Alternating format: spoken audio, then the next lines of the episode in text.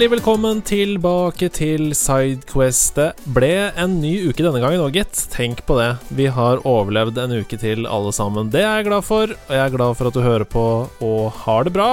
Det skulle bare mangle.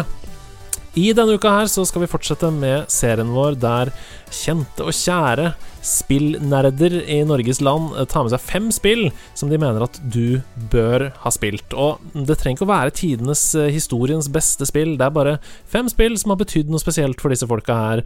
Eh, vi vet jo at Jon Cato tok med seg et mobilspill for eksempel, som heter Drop 7, og jeg tror jo ikke at det vant Game of the Year det året det kom ut, men han mente at det var verdt å spille likevel. Og jeg syns det er koselig Jeg synes det er koselig å snakke litt om litt andre typer spill også. Så med meg til å dra gjennom fem spill som vedkommende mener at du må ha spilt før du dør, så har jeg hele Level Up og Norges Niklas Halvorsen. Hello. Hello. hello, hello. Det er gøy med sånn når jeg prøver å være sånn hypeman, at du er sånn Hello, hallo. Jeg holdt på å si jeg, jeg, jeg kan skylde litt på forkjølelsen som jeg har fått. Hei, er du forkjøla? Ikke noe korona, håper jeg? Nei, jeg er i det dumme stadiet med at enten så har jeg begynt å bli allergisk mot et eller annet, eller så er jeg er bare sånn snufsete og litt rar i halsen. Ah, ja, det er vår, selvfølgelig. Ja, ikke sant. Så det er ja. Men jeg er fortsatt gira for å være her, altså. Ja, det er så gøy. Det er veldig hyggelig at du er her. Ehm, du trenger ikke føle på noe press til å være eh, masseenergisk hvis du er dypt inne i forkjølelsesmodus. Eh, du, disse fem spillene som du har tatt med, jeg syns jo eh, det er veldig koselig. Jeg har spilt eh, fire av fem, så det blir gøy å snakke om det ene jeg ikke har spilt også. Det oh. har jeg hatt lyst til å spille veldig lenge, men du skal få lov til å overbevise meg om det ene spillet. Okay. Er, det, er, det, noe sånn Har du noe tema? Har du tenkt noe Hva tenkte du da du skulle finne disse spillene? Jeg tenkte Jeg har jo vært Eller jeg holdt på å si jeg har vært Jeg er stor fan av film, blant annet. Mm. Og en grunn til at jeg begynte liksom å noe som åpna spillhorisonten min, var når jeg fant ut at det var mer enn bare skyting og action og Call of Duty og sånn. At du fikk disse historieheavy spilla som Uncharted. Uh, og jeg føler at disse spilla her, det er de spilla som fikk meg til å levele opp, både i spill og film. Oh. Jeg har lært så mye av de spillene her, og jeg, og jeg har lyst til å liksom bruke kunnskapen til et eller annet. Da. Wow. Ja. Det, var veldig, det, var veldig, fint, Fordi jeg er jo helt enig. Jeg har bare ikke tenkt på det helt på den måten før. Men, men alle fem spillene du har tatt med, er på en måte spill som utvider horisonten. Ja, helt uh, riktig inn, Innenfor spill. Så det var veldig fint. Uh, jeg har arrangert dem etter kronologisk rekkefølge, og uh, artig at jeg skulle si utvider horisonten, fordi det første spillet vi skal snakke om, det utvider horisonten både i tittelen og i innholdet i spillet. Det kom den 1.11.2011, men har i senere tid også kommet til Switch og IOS blant annet, så det er bare å plukke det opp hvis du har andre plattformer. Det heter To the Moon.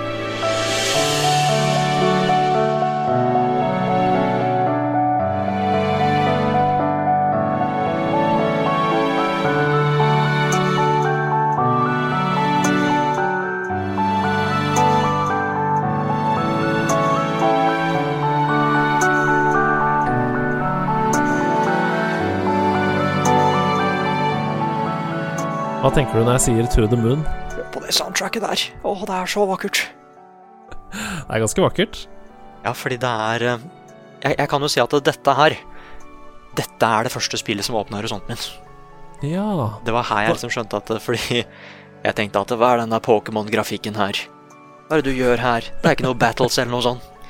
Um, men så ble det søren meg jeg, jeg, har alltid hatt litt sånn problemer med å liksom forstå hva folk uh, jeg, jeg, tre, jeg, trenger ganske mange hjelpemidler for å forstå hva folk tenker i filmer og spill og sånn. Mm. Det som både når det kommer til voice acting og acting generelt, eller musikk eller et eller annet. Og derfor så ble jeg litt satt ut av det her, med at uh, her er det bare tekst, liksom. Eller tekst mm. og tekst. Det er jo litt sånn visuell story i det, men det er et, uh, et sånt 8-bit gammelt retrospill. Mm. Med en kjempeflott historie. Uh, det yeah. det handler om, da, er at uh, har, du spilt det, forresten? Ja, ja, ja, jeg har spilt det. Jeg har til og med uh, skrytt opp i skyene til Sebastian Brunestad, som lovte at han skulle spille det. Jeg vet ikke om han har spilt det ennå, men jeg håper det.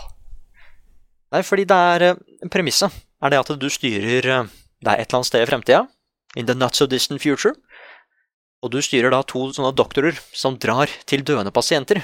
For det har kommet en teknologi som kan gjøre at du du kan skape falske minner og putte det i en døende pasient, så de tror at de har oppfylt drømmene sine. Mm.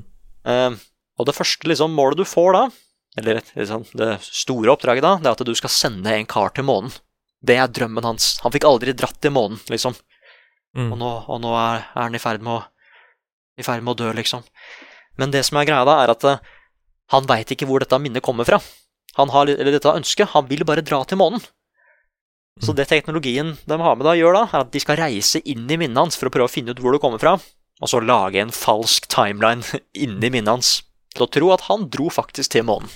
Og det er, så mye, mm, det er så mye tematisk i det du forteller om der, som er så interessant. Um, bare og rent overført fra spill til virkelighetens verden også. Uh, hvis du tenker på filmer som Inception, for eksempel, mm. uh, som tar for seg mye av den samme tematikken, å manipulere menneskers sinn, da. Um, og hvis man skal tenke Nå drar jeg det kanskje litt langt, men hvis man skal tenke enda større uh, sammenheng, så er det jo sånn at uh, vi kommer jo inn i en uh, tid snart hvor vi er nødt til å ta stilling til hva AI skal være, og, og hva um, kunstig intelligens skal være. Skal det være um, Og ikke minst hva mennesker egentlig er.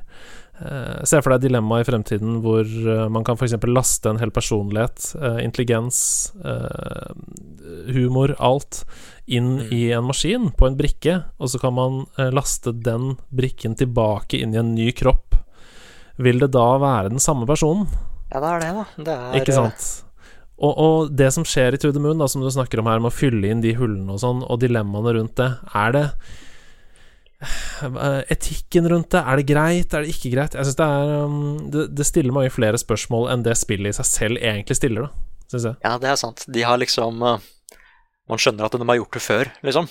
Mm, mm. Dette, er en, dette, er bare en, vanlig jobb, vi gir folka minner. Men jeg hadde veldig lyst til å sette en sånn samtale der, da. For jeg var jo mm. litt sånn bare Dette her er jo ikke helt Altså, vi lager jo en løgn. Og mm. personen, jeg antar at personen blir glad for å liksom ha levd den løgnen, men igjen, det er jo fortsatt en løgn. Mm. Det hadde vært interessant Jeg har ikke sett noen sånne intervjuer med utviklerne av dette spillet heller, men uh, det hadde vært interessant å høre hva de tenkte om disse tingene. Mm. Prøve å google litt etterpå, det fikk jeg lyst til å høre mer om. Nei, hvor var du oh, i, Ja, hvor var du i livet da du spilte To the Moon? Fordi Jeg husker ikke helt hvor jeg var. Jeg husker bare at uh, jeg så anmeldelsen til Carl ja. på Level Up EGTV, uh, mm. og at han begynte å lage en serie om det på YouTube. Og det var da jeg begynte å komme litt sånn inn da, med at uh, her er det faktisk karakterer som jeg bryr meg om, liksom. Mm. Jeg kan jo si så mye som at jeg har egentlig aldri brydd meg om noen i Pokémon. sånn sett. Jeg har bare nei, nei. gått rundt og Jeg har brydd meg om mine Pokémons, men ikke noen av karakterene. Mm. Nei, og jeg husker bare at jeg liksom Hvis jeg skal se på det her som en film, da, så trenger jeg noe mer. Jeg trenger liksom god voice acting, eller mm. Jeg må se følelsene. Dette er grunnen til at det å lese bøker stinker. For jeg skjønner ikke hva de tenker. De må, de må forklare meg det hele tiden. Ja, ja, ja. Men så er det en karakter som heter River i denne historien her. Og hun har liksom Uten å spoile for mye, hun dealer med mye av det samme. Mm. Hun, har, hun, har, problemer med å forstå mennesker. Menneskene rundt seg. Mm. Og jeg ble bare så betatt av den historien der. Fordi jeg, jeg, kjente, jeg kjente meg igjen i mye av det så er det disse Gorstan origami-kaninene, og det er, det er så mange gode mysterier. Ja. Ikke bare hvorfor han skal til månen, liksom. Nei, det er veldig mye fint med det spillet, og hvis du er glad i spill som har en god historie, uh, og som kanskje rører deg litt, og, ja, og, og, liker den følelsen av at du kan finne ut av ting i ditt eget tempo, og det trenger ikke å gå sånn dritfort hele tiden og sånn, så tror jeg du kommer til å elske To the Moon. Um, det er ikke så langt heller. Nei, det er sånn tre timer, kanskje. Tre-fire mm. timer. Du kommer fint gjennom på én session hvis du setter deg ned på en lørdag f.eks. og tenker nå skal jeg kose meg med et spill i tre-fire timer, så kommer du fint gjennom. Og det kan jeg love at du ikke kommer til å angre på hvis du liker sånne spill som dette. Nei, og så må jeg bare igjen nevne det soundtracket i det spillet. Ja, det er så bra. For Det var det som fikk meg ordentlig inn, med at musikken var så sykt fin. Ja. Og her lager du jo en nydelig bro, for fra fra et uh, soundtrack til et annet, fra en fantastisk komponist til Austin Wintry, um, uh, som vi hørte i denne ukas nederlandslagepisode, er foreleseren til Alexander Rybak, der hvor han studerer nå på Columbia University. Oi. Vi skal til um, et Ja, et spill som virkelig åpna horisonten for meg også, uh, på flere måter her også, både i spillet Du jobber jo for å komme deg mot horisonten, um, men også i uh, spillenes verden. Vi skal til uh, That Game Company og Santa Monica Studio sin vakre lille perle fra 2012, Journey.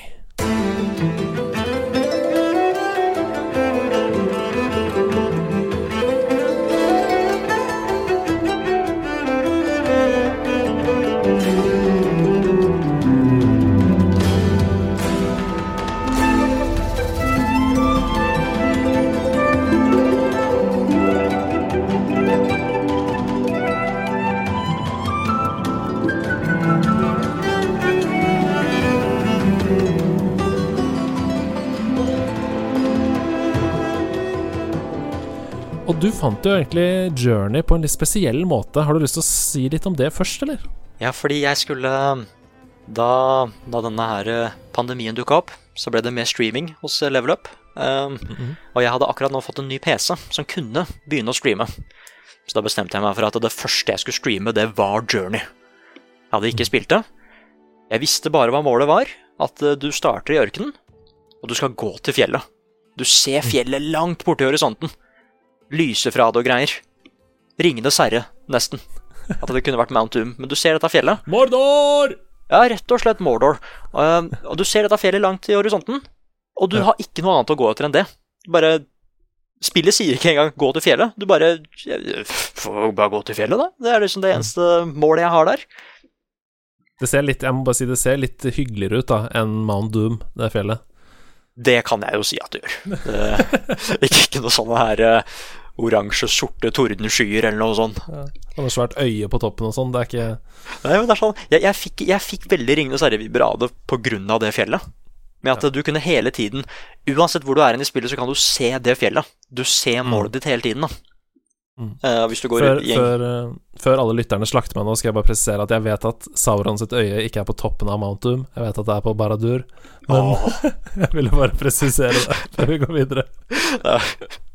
Nei, men nå som du har sagt det, altså Jeg, jeg, jeg tenkte ikke på det engang. Jeg var distrahert av Journey. Ja. Nei, Fortell videre om Journey. Ja. ja, ja, at det liksom Jeg hadde fått anbefalt det spillet her mye. Og når, når jeg da sa at det kanskje det første uh, spillet mitt som jeg streamer, er Journey, så fikk jeg liksom bare sånn Det var vel egentlig at alle i redaksjonen bare tok tak i meg bare Herregud, har du ikke spilt det? Hva er det du gjør? Ja, stream det! Og da ville alle se på. Ja, ja. Jeg så på selv. Eh, åh.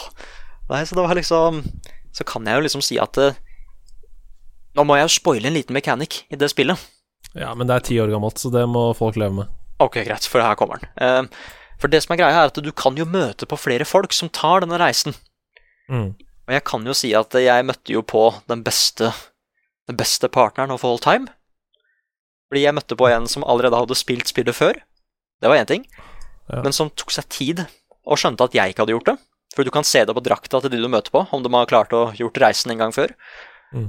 Uh, fant du da i ettertid at det var, en, det var henne som hjalp meg. Og hun, hun, bare liksom Hvis jeg brukte lang tid, hun venta på meg. Og vi gikk mm. opp til det fjellet sammen.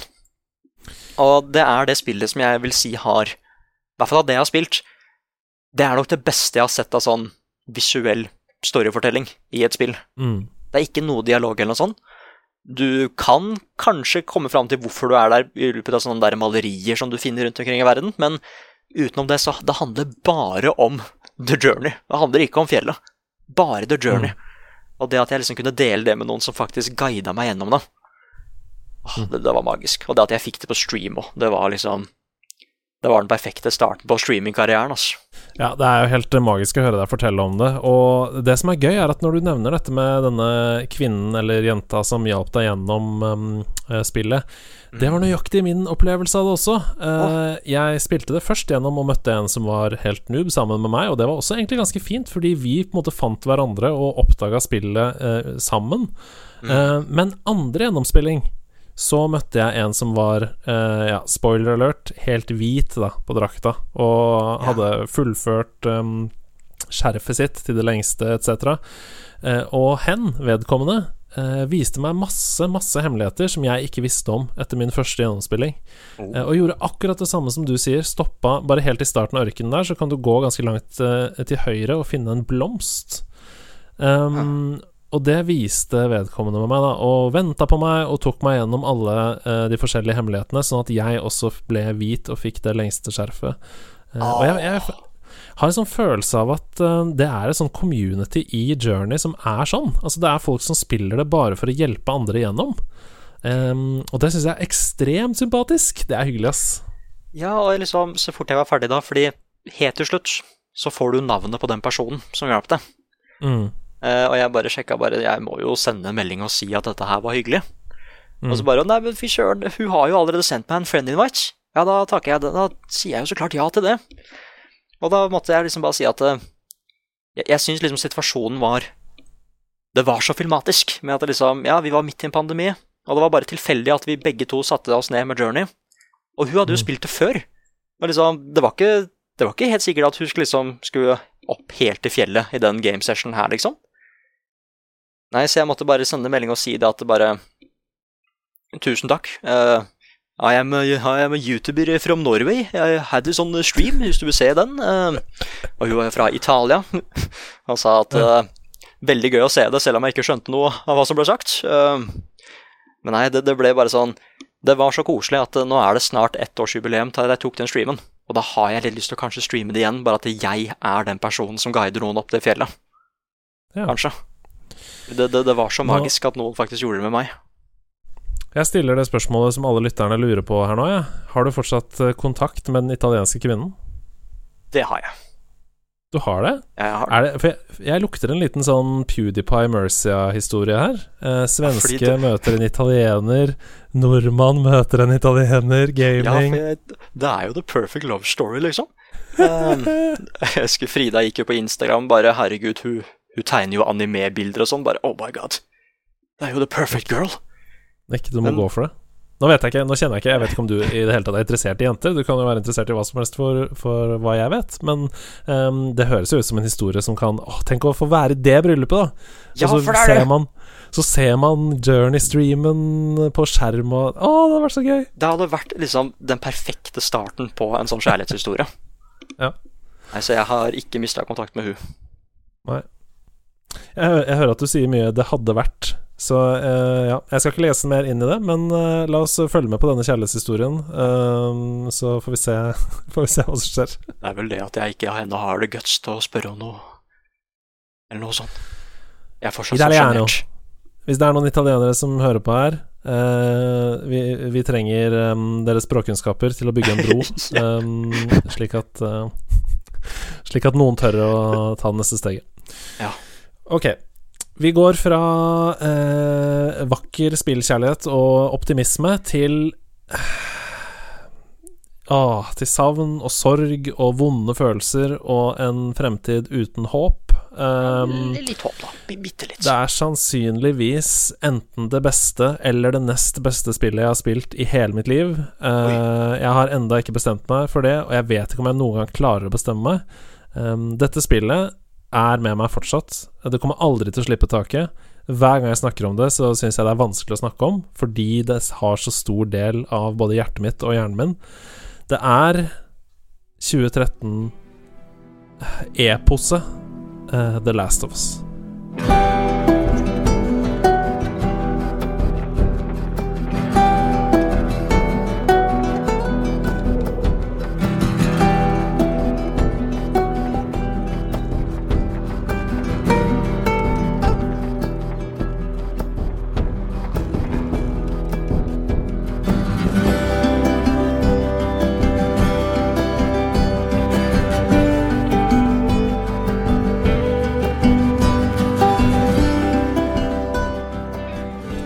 Ass.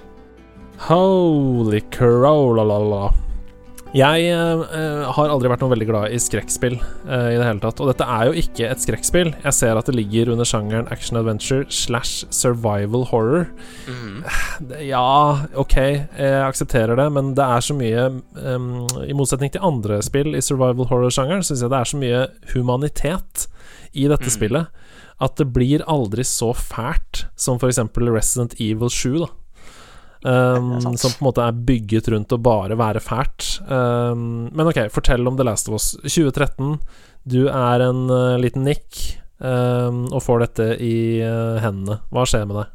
Uh, jeg er først veldig skeptisk, fordi jeg, mm. så, jeg, er så glad i Uncharted. Mm. Og da var det sånn Ja, men jeg vil jo ha mer Uncharted. Jeg vil ikke ha denne Jeg er litt lei av zombiespill òg, men ja ja. Få gå, da. Få se hva dette her er. De har jo lagd gode spill før, så jeg er jo fortsatt litt spent, liksom. Det er jeg. Mm. Og det er sånn Dette her er det spillet, og grunnen til at jeg tar det med, den største grunnen Jeg syns det er det perfekte spillet for nybegynner nybegynnergamere. De som tror at spill bare er hoppe og sprette og sjoe og heie i Mario og sånn, da. Mm. Uh, fordi starten på det spillet jeg, jeg har litt problemer med å finne noen starter som jeg liker bedre som faktisk ja. får jobben like godt gjort som starten til The Last of Us.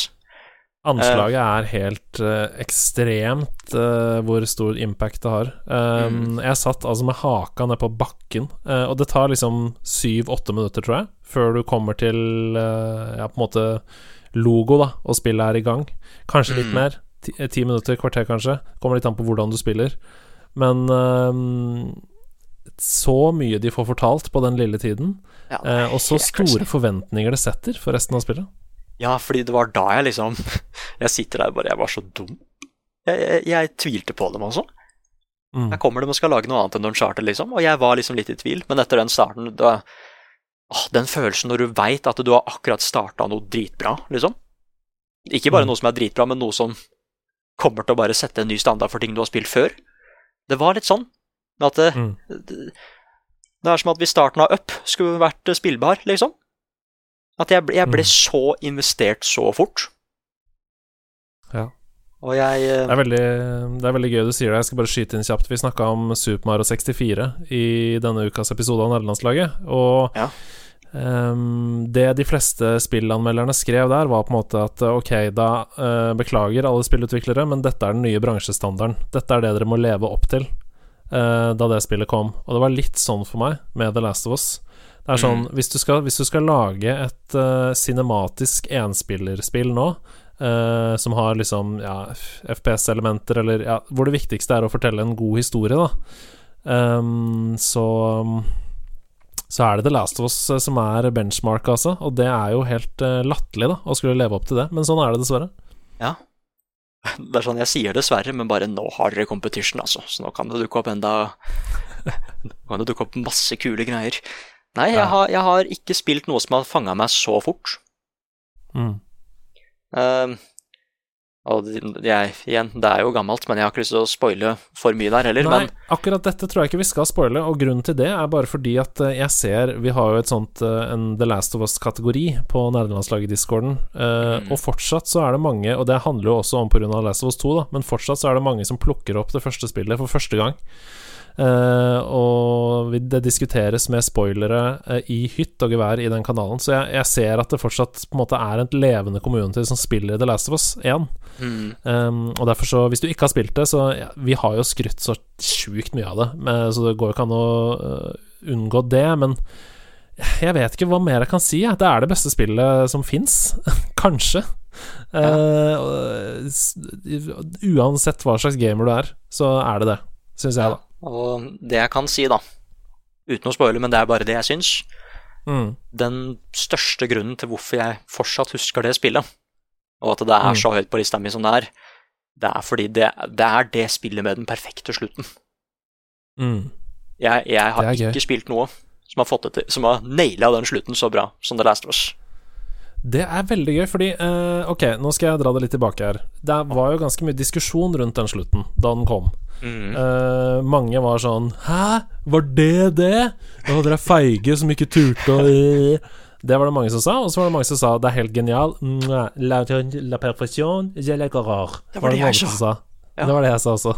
Det var gøy at vi ble, fikk et annet språk, begge to, da det spillet kom. Men, men um, du sa jo i sted at du er en som trenger mye hjelpemidler. Du trenger god voice acting, du trenger for å forstå hva mennesker føler. Men mm. dette skjønte du. Dette skjønte Den du med en gang. Ja.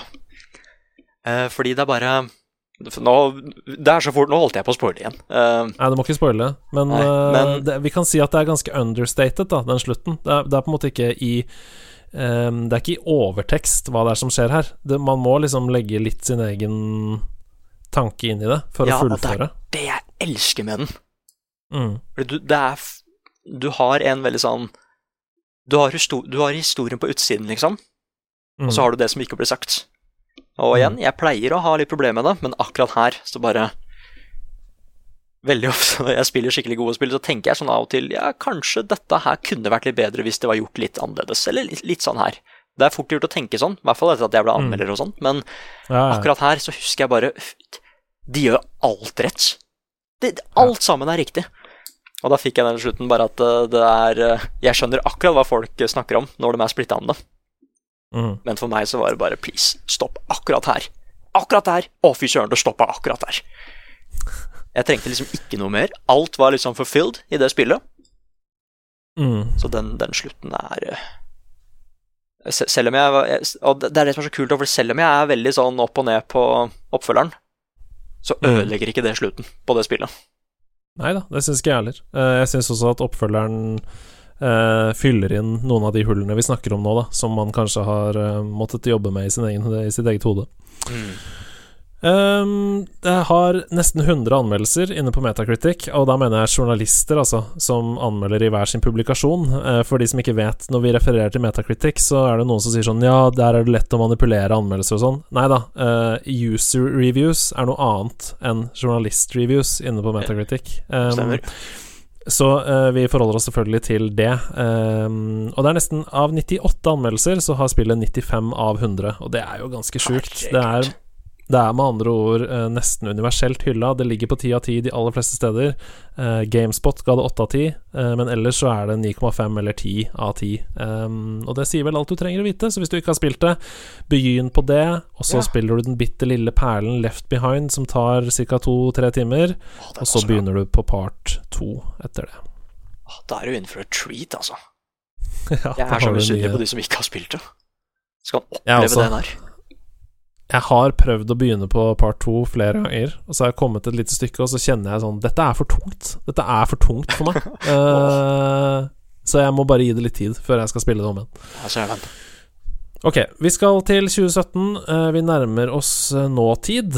Um, og dette her er vel kanskje det spillet som uh, Niklas Halvorsen var den i Norge som så mest frem til av alle, for han har jo et innbitt forhold til skaperen Yoko Taro, som han er fryktelig, fryktelig glad i. jeg snakker om oh, Nei, jeg har ikke lyst til å si så mye før jeg bare sier tittelen. Det er Nier Automata. Trofé.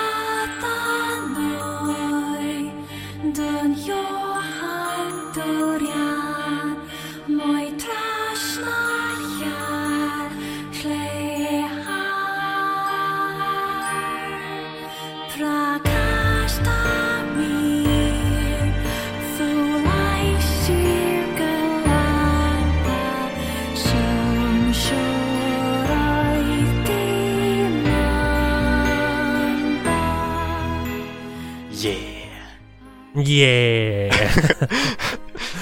ok. Eh, Nier Automata er det spillet jeg ikke har spilt av disse fem. Det er det, ja. Ok. Ja.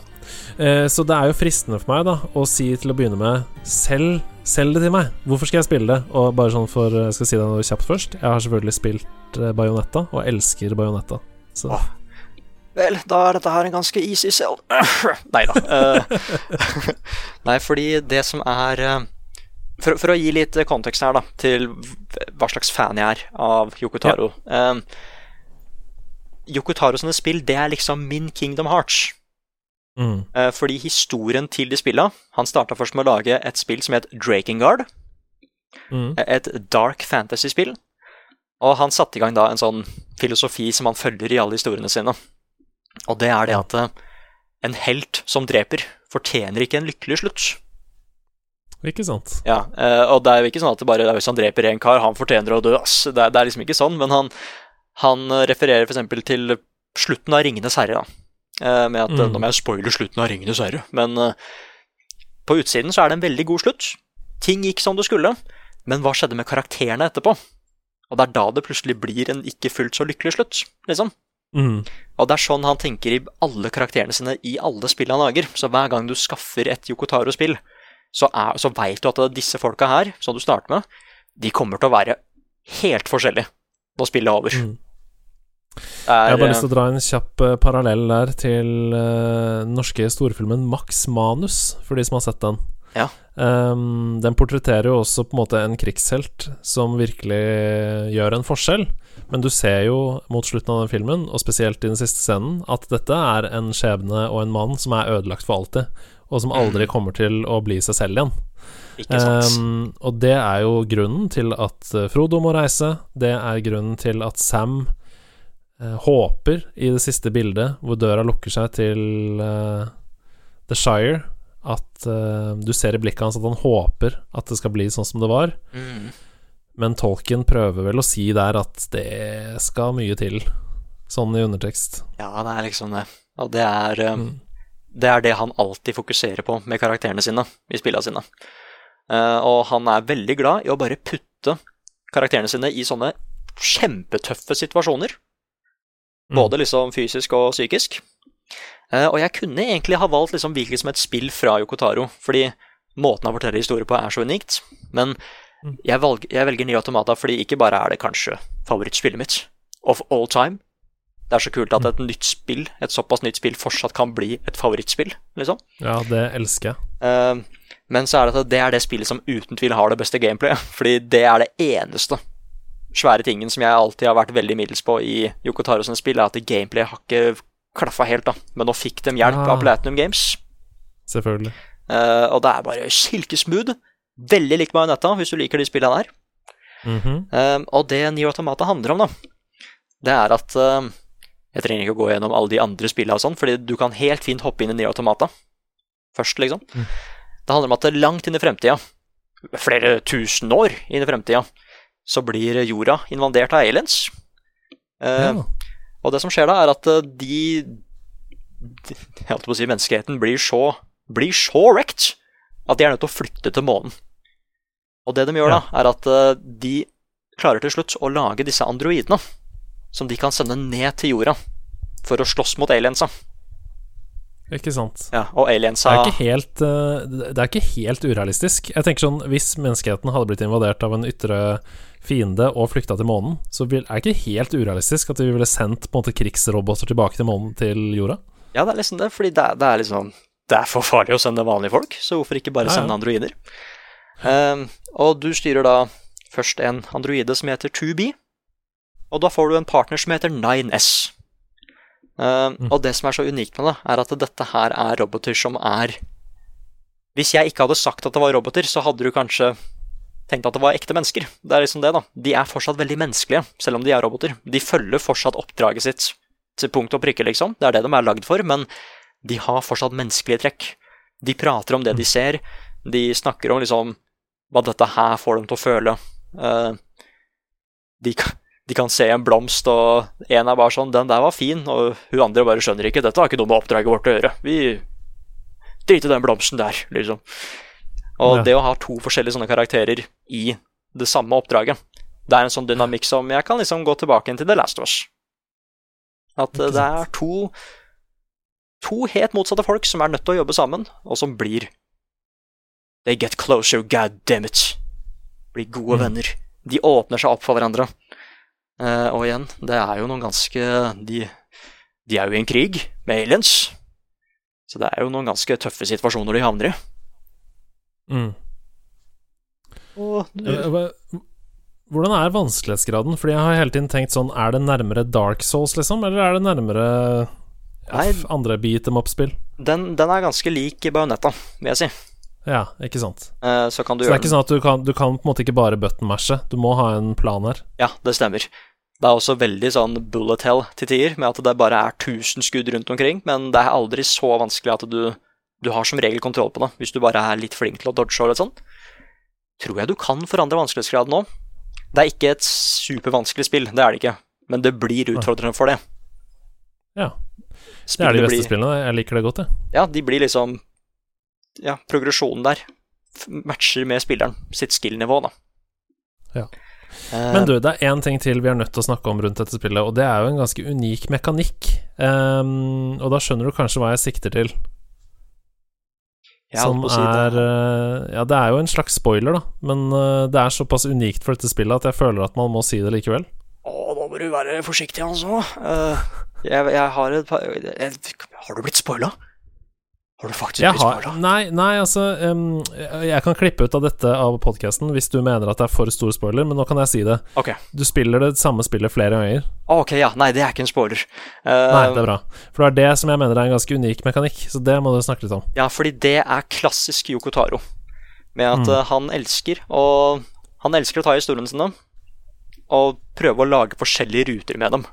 Altså, hva mm. hadde skjedd hvis helten tok det valget eller det andre valget? Uh, og det her er ikke egentlig en sånn Hvis du leser bak på coveret, så blir du, litt, så blir du kanskje spoila. Det er liksom det eneste, men det er at vi får se denne historien fra andre perspektiver. Mm. Uh, og jeg kan jo si at uh, et av dem er jo blant annet av Nines. Altså du har både 2B og Nines som partner, og så omvendt Nines og 2B som partner. Ja. Uh, og jeg husker veldig godt at når jeg spilte gjennom det første gang, så tenkte jeg at åtte av ti. Jeg, jeg, likte det veldig godt, men det var noen deler av historien som jeg tenkte kunne vært bedre, liksom. Uh, og jeg skjønner veldig godt den, med at det er mange som kanskje gir seg med den andre gjennomspillingen når de styrer en annen karakter. Fordi igjen, det er jo mye av, mye av historien har vi opplevd før. Og kanskje du ikke liker mm. gameplay like godt liksom, med den karakteren, men hvis du er litt sånn betatt av den verden der, og du har lyst til å vite mer om den, så veit du at det kommer til å dukke opp situasjoner hvor de ikke er sammen. Hvor det er faktisk helt forskjellige perspektiver på en bestemt konflikt, eller mens 2B var her borte, så var Ninus der borte, liksom. Og så fort du får den, da Da begynner man liksom virkelig å se helheten i den historien her. I den verden du spiller i, da. Ja. Og det er uh, grunnen til at jeg også har det med på lista, og grunnen til at det fikk meg til å levele opp. det er fordi det er det mest spill-spillet jeg har spilt. Med at ja. uh, det er uh, Både når det kommer til historien, eller egentlig mest når det kommer til historien, det er mye der som ikke hadde fungert noen andre steder enn i spillmediumet, liksom. Eh, et godt eksempel. Du har et sånt der kult uh, progresjons... Eller et sånt uh, character-system når det kommer til skills og ting og tang som du putter i androiden. Uh. Og et av de tinga som allerede er i androiden i det du starter, det er jo f.eks. subtitles. Og lyd. Og farger. Ja, så hvis du vil, så kan du fjerne de tinga fra androiden og putte inn mer damage. Mer liv. Mer defense. Wow. Ja, det bryter den fjerde veggen på den måten der, da. Oi, det er gøy. Ja, og jeg kan si at det skjer noen ting ut i det spillet. Hvor du blir litt sånn derre Jeg fikk en sånn derre eksistensiell krise av det. At det bare, jeg vet, ja, og jeg skal ikke, så klart ikke spoile hva det er, men hvor du faktisk begynner å tenke Ja, dette spillet begynner kanskje å jeg, jeg har en anelse om hva som skjer i historien, men nå begynner jeg faktisk å bli litt sånn Er det jeg som blir spilt? Ja, det er ubehagelig. Ja, det er litt ubehagelig, det er men det er så fascinerende.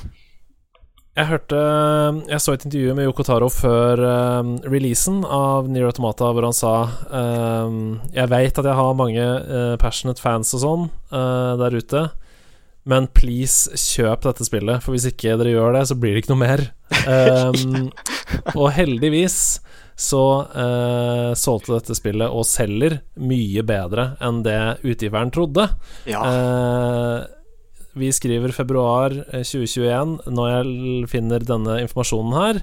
Og per den datoen så har spillet solgt over 5,5 millioner kopier. Å, det er så fortjent. Eh, og det er jo fantastisk. Så uh, det blir fem og en halv pluss én etter denne podkasten, for jeg skal rett inn og kjøpe det. Uh, jeg har veldig lyst til å spille det, uh, og du har, du har, en ny fan i fanklubben din. Åh, kan, jeg holdt på å si Hvis det ikke er for mye å be om, kan du sende sånne updates av og til? Selvfølgelig kan jeg det! Ja, for, for, for, hva du syns. For det det er så. Det er så vanskelig å selge disse spillene her. Ja, ja. Um, Nei, jeg skal legge det til på Snapchat, og så skal jeg sende snaps underveis. Skal jeg si sånn Skjedde nettopp det? Did that just happen? Og da må jeg skaffe ja. meg Snapchat. Ja, eller så kan jeg sende det på Discord. Da. Det kan jeg også gjøre. Små filmer kan jeg sende deg på Discord. Ja, for det hadde vært hyggelig. Nei, for det, det, det er så mange Det er et veldig reaction-spill, liksom. Mm. Hvis det gir mening. Ja, jeg skjønner hva du mener. Ja. Uh, perfekt content for youtubere verden over. Ja, Ok, vi må videre til det siste spillet på lista di. Um, det, er, eh, det tok meg fullstendig på senga. Jeg så ikke det komme. Um, jeg visste ikke om det før det kom heller. Uh, og da jeg spilte det, så ble jeg bare helt sånn Åh, jeg må være i dette spillet helt til det er ferdig. Uh, det jobbes med en oppfølger som sikkert er rett rundt hjørnet, og det gleder vi oss alle veldig, veldig til. Eh, Jeg snakker om det mm, ekstremt velutviklede og gjennomarbeidede spillet Hellblade Senuas Sacrifice.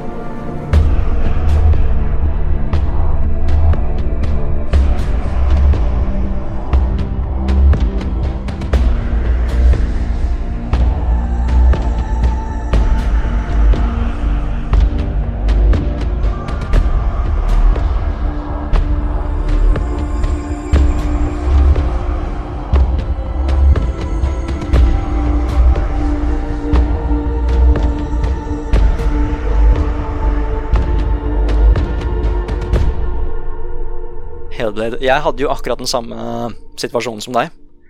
Ja. Jeg spurte bare Kan ikke jeg anmelde det spillet der. Det er norrøn mytologi. Det ser fett ut. Mm. Det var det jeg sa. Det ser fett ut.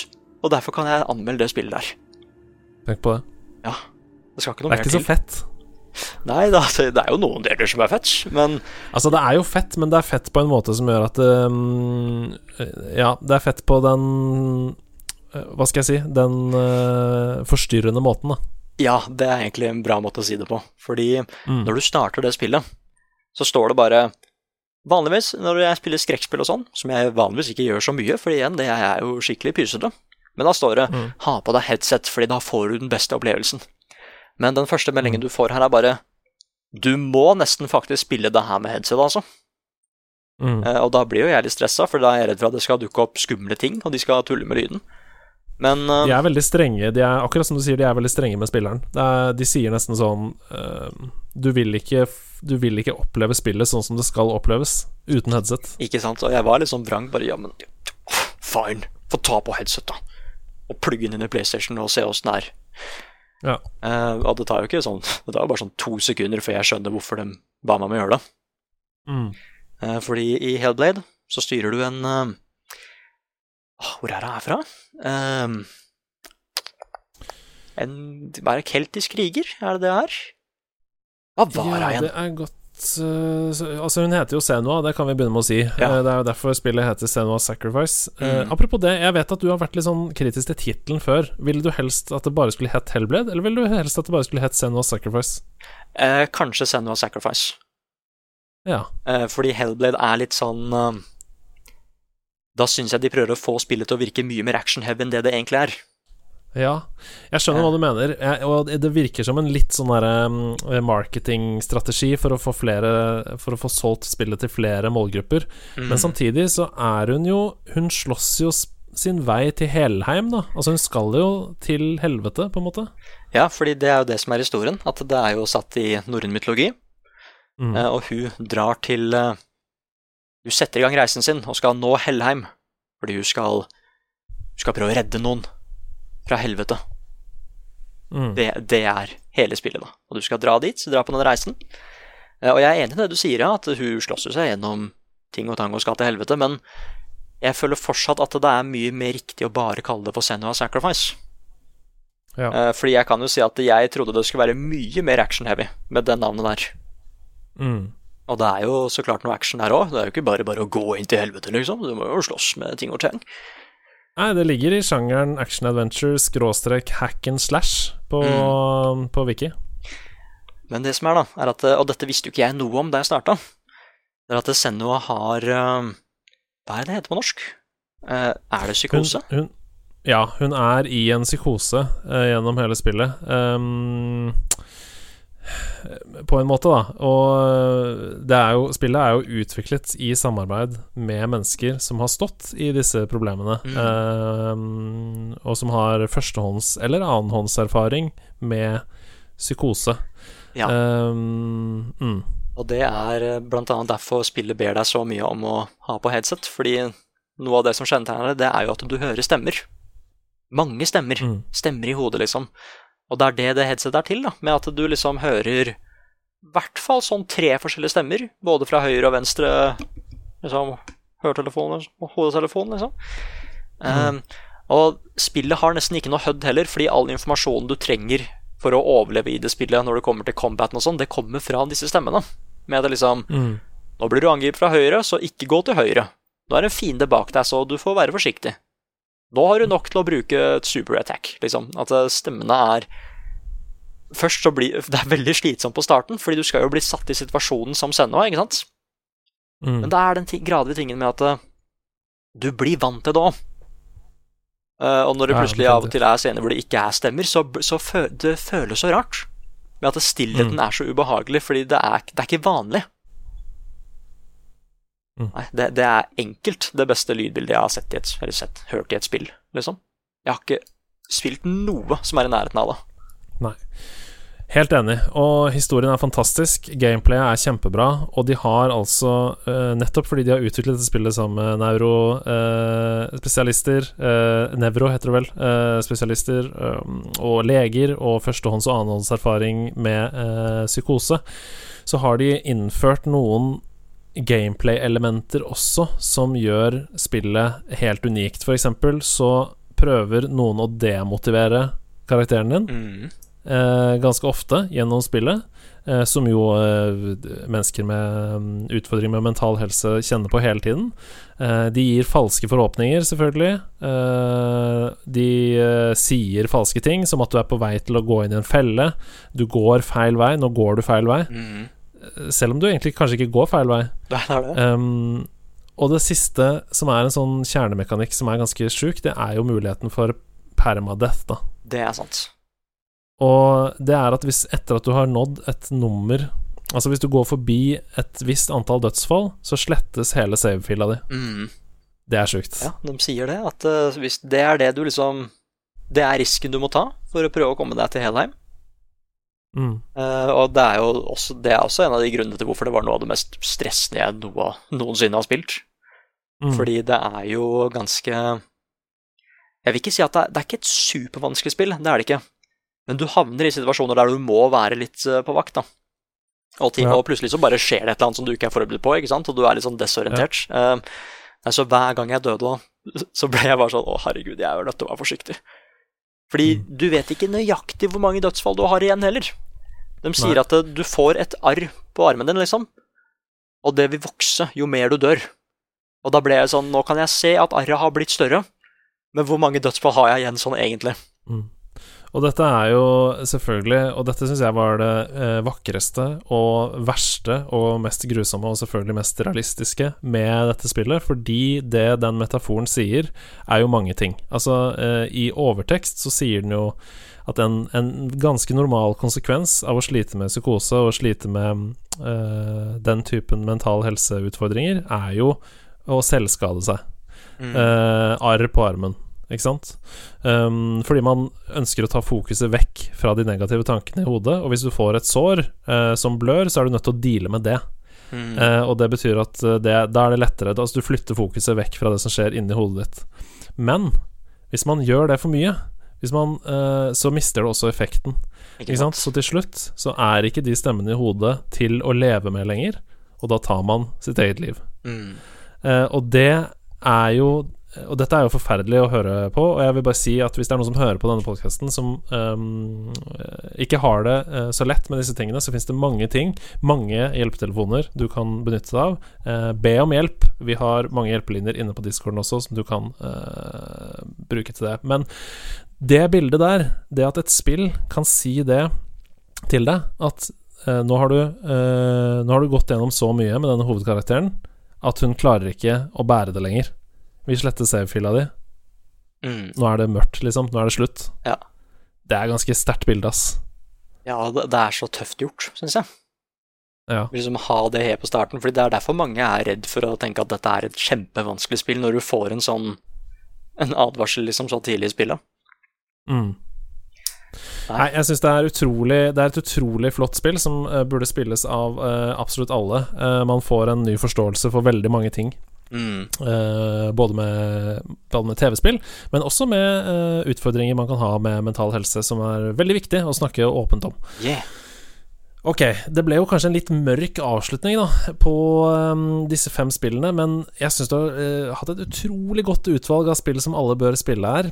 Um, er det, I de siste episodene så har jeg, har jeg liksom spurt uh, de som har vært her sånn Av de fem spillene vi har snakka om nå, hva er det du har mest lyst til å bare plukke opp igjen nå og spille gjennom en gang til? Hva er det som liksom snakker mest til deg nå? Mm kanskje Den er litt vanskelig, fordi eh, noen av de spillene her føler jeg ikke at jeg trenger å spille igjen. Fordi jeg fikk Nei. det jeg skulle ha fra det. Jeg kan, jeg, kan ikke, jeg kan, ikke, spille To the Moon igjen, fordi det, det drepte meg, det spillet. det, det, var, det var noen ting i det spillet som var rett og slett for real.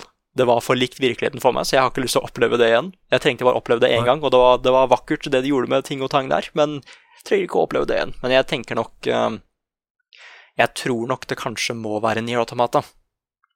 Ja. Eh, fordi Hellblade kommer det jo en oppfølger til. Eh, snart, mm. Jeg er veldig spent på hva den skal gjøre. Eh, ja, det lurer jeg på. Men med Nye Automata så er det at det er fortsatt Der veit jeg at det fortsatt er ting som jeg ikke har gjort. Mm. Og jeg har egentlig ikke fått satt meg sånn ordentlig Gitt en sånn ordentlig andre gjennomspilling helt siden jeg anmeldte det. For det har dukket opp så mye ja. annet. Så jeg veit at der er det mye som jeg ikke har gjort ennå. Og jeg vil bare oppleve den historien på nytt igjen. Det passer bra. Da kan både du og jeg kose oss med Near Automata eh, våren 2021. Ja, eh, til alle dere som hører på, jeg håper dere har det bra. Eh, tusen takk for at du vil være med meg, Nick. Skal, vi skal høre mer til deg neste uke allerede. Det gleder jeg meg til. Ja, det er sant. Eh, er det noe du har lyst til å si til lytterne til slutt? Nei, altså, dere, dere må jo ikke spille spillene, men uh, They're really good. Jeg har lyst til å liksom ende på en litt mer positiv note, ja. Med, ja, altså, ja. om, selv om noe er trist, så må du se på helheten, ikke sant? For gosh er dette gode spilleopplevelser her, altså. Jeg velger å si så mye som at uh, Nick sier at du ikke må spille det, men jeg sier at du må spille det, så da er det bare å legge seg i selen. Vi snakkes igjen om en uke. Si ha det, Nick. Ha det. Ha det bra.